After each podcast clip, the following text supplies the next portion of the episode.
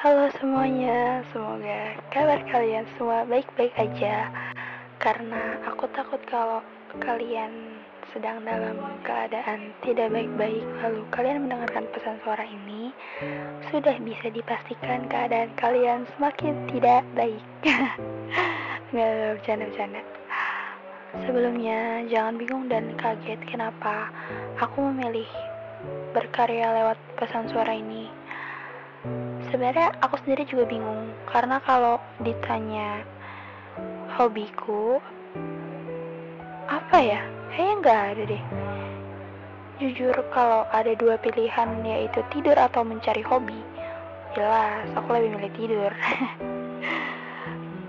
Mungkin di kesempatan kali ini aku bakal cerita tentang kegiatanku akhir-akhir ini aja kali ya. Oke okay, check it out karena pandemi ini nggak banyak yang aku kerjain. Mungkin bangun tidurku terus zoom. Selesai zoom ya aku lanjut tidur. gitu aja terus sampai capek. Tapi akhir-akhir ini aku lagi suka banget ngerekam suara terus pakai backsound ala-ala podcast kayak gini. Walaupun isinya ocehannya nggak jelas kayak gini, ya ya kayak sekarang ini. Aku hidup di lingkungan di mana aku dituntut untuk berdiri sendiri dan mandiri. Ketika pertama kali aku mendengar kata mandiri, aku langsung berniat untuk mengeksplor diri aku sendiri. Segala hal aku coba, mulai dari nyanyi, masak, nari, sampai ke hal yang di mana aku ngerasa ini adalah bidang aku. Sesuatu yang sudah aku latih sedini mungkin, sekecil mungkin, hingga aku sebesar mungkin.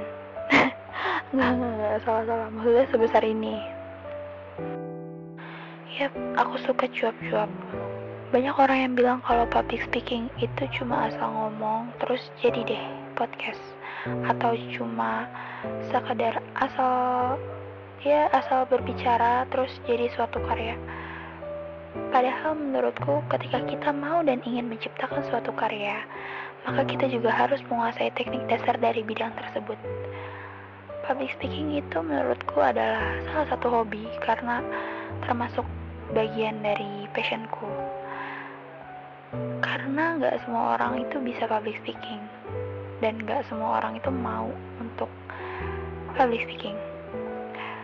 Uh, aku nggak akan ngejelasin di sini gimana public speaking gimana artinya gimana apa itu dan segala macam tapi bisa dibayangin kalau orang yang panikan, kurang percaya diri, tiba-tiba diminta untuk nge-podcast. Atau contoh lain semisal diminta untuk jadi moderator di acara seminar, pasti ngeblank. Walaupun dia sudah mempersiapkan dengan sangat matang, tapi ketika sudah waktunya tiba, pasti dia bakal ngeblank. Seperti yang aku bilang tadi, ketika kita ingin menguasai sesuatu, kita harus mempelajari hal tersebut. Kita nggak akan bisa untuk menguasai sesuatu hanya sekedar teori.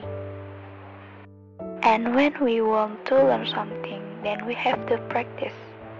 Dan aku pernah baca quotes yang sekarang jadi motivasiku dari seseorang.